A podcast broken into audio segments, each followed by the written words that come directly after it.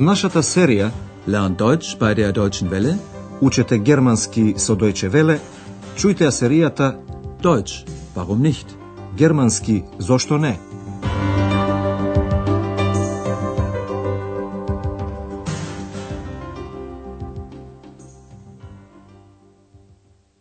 Liebe Hörerinnen und Hörer. Добар ден, почитувани слушателки и слушатели. Нарете 23-та лекција под наслов Па што се случило? Вас ist ден пасијат? Андреас денеска конечно наоѓа време да се јави кај доктор Тирман. Вие сигурно се сеќавате на доктор Тирман, на честиот гостин во хотелот. Тој го покани Андреас да дојде во Берлин. Чујте го телефонскиот разговор меѓу Андреас и доктор Тирман.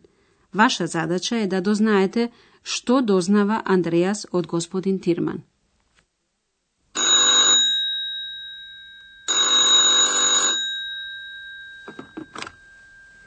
Türmann.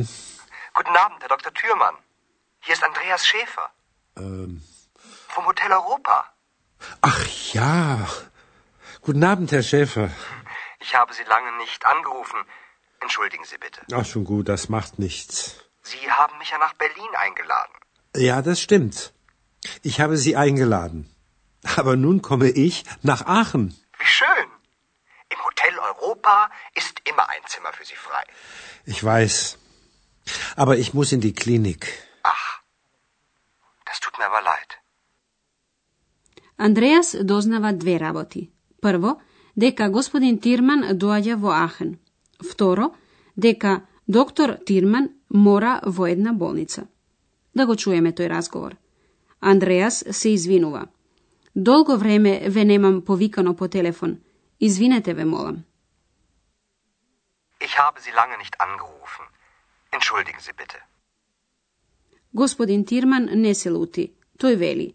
Се е во ред, нема проблеми. Schon gut. Das macht nichts. Андреас му спомнува дека господин Тирман своевремено го покани во Берлин. Вие ме имате покането во Берлин. Sie haben mich ja nach Berlin eingeladen. Господин Тирман тоа го потврдува. Да, тоа е точно. Јас ве имам покането. Ja, das stimmt. Ich habe Sie eingeladen. Пред Андреас да почне да зборува за Берлин, доктор Тирман го прекинува. Ама сега јас доаѓам во Ахен. Aber nun komme ich nach Aachen.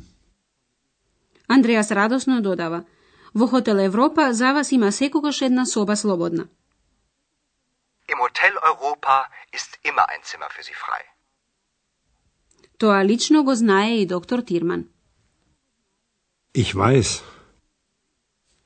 Тој нема да дојде во хотел Европа, бидејќи мора во клиника.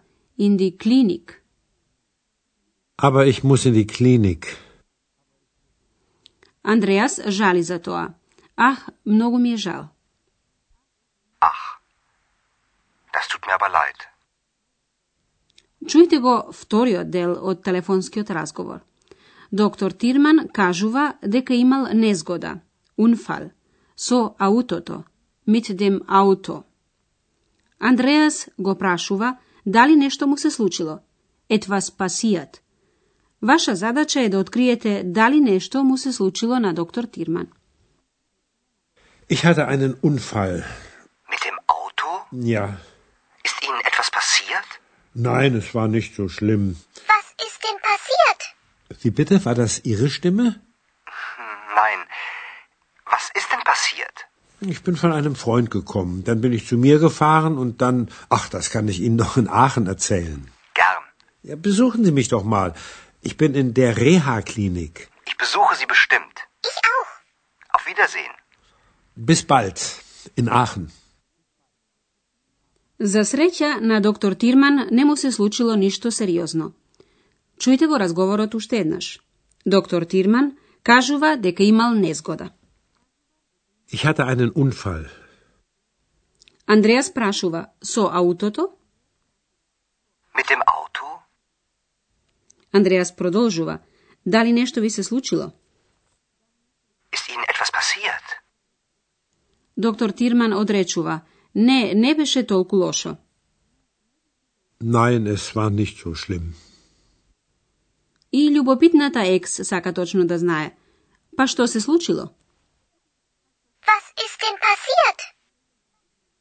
Доктор Тирман е збунет од гласот. Тој е малку наглов и прашува. Како молам, дали тоа беше вашиот глас? Wie bitte? War das Ihre Stimme?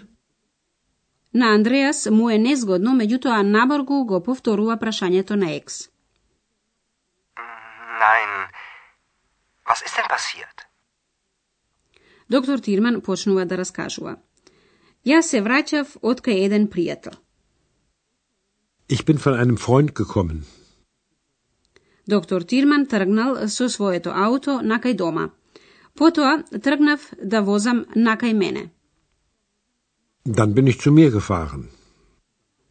Доктор Тирман во таа пригода се подсетува дека случката ќе може на Андреас да му ја раскаже и во Ахен. Ach, das kann ich Ihnen doch in Aachen erzählen. Тој го поканува Андреас овој да го посети во Ахен.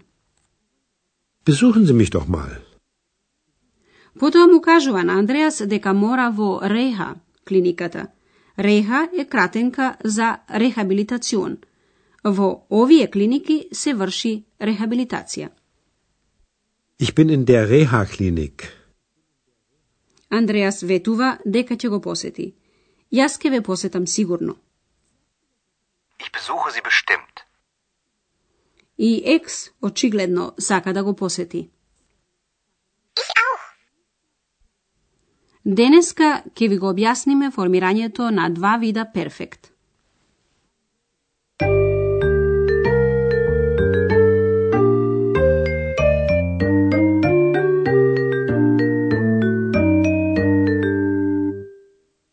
Како прво, перфект на променливи глаголи. Во презенц, сегашно време, кај променливите глаголи, пред слогот, кој е секогаш нагласен, доаѓа на крајот на реченицата. Чујте пример со глаголот поканува. Einladen. Ich lade Sie ein. Перфект се формира со партицип 2. Партицип 2 се формира со префиксот г, кој се наоѓа во средината меѓу двата дела на глаголот.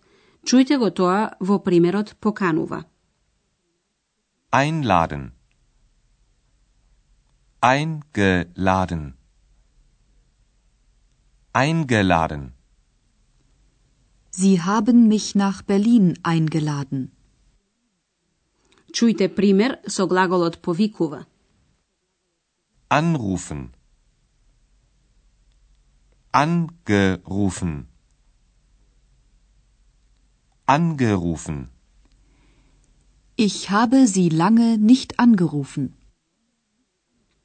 А сега да ви го објасниме формирањето на перфектот со помошниот глагол sein. Повеќето глаголи перфект формираат со помошниот глагол haben. Глаголи на активност формираат перфект со sein. Чујте пример со глаголот вози. Fahren.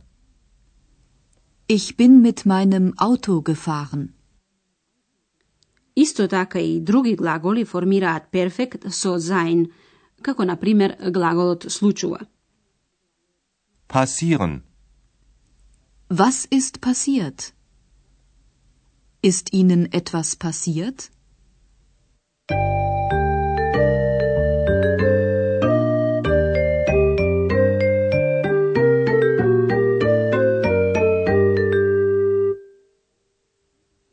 На крајот, чујте ги уште еднаш двата диалога.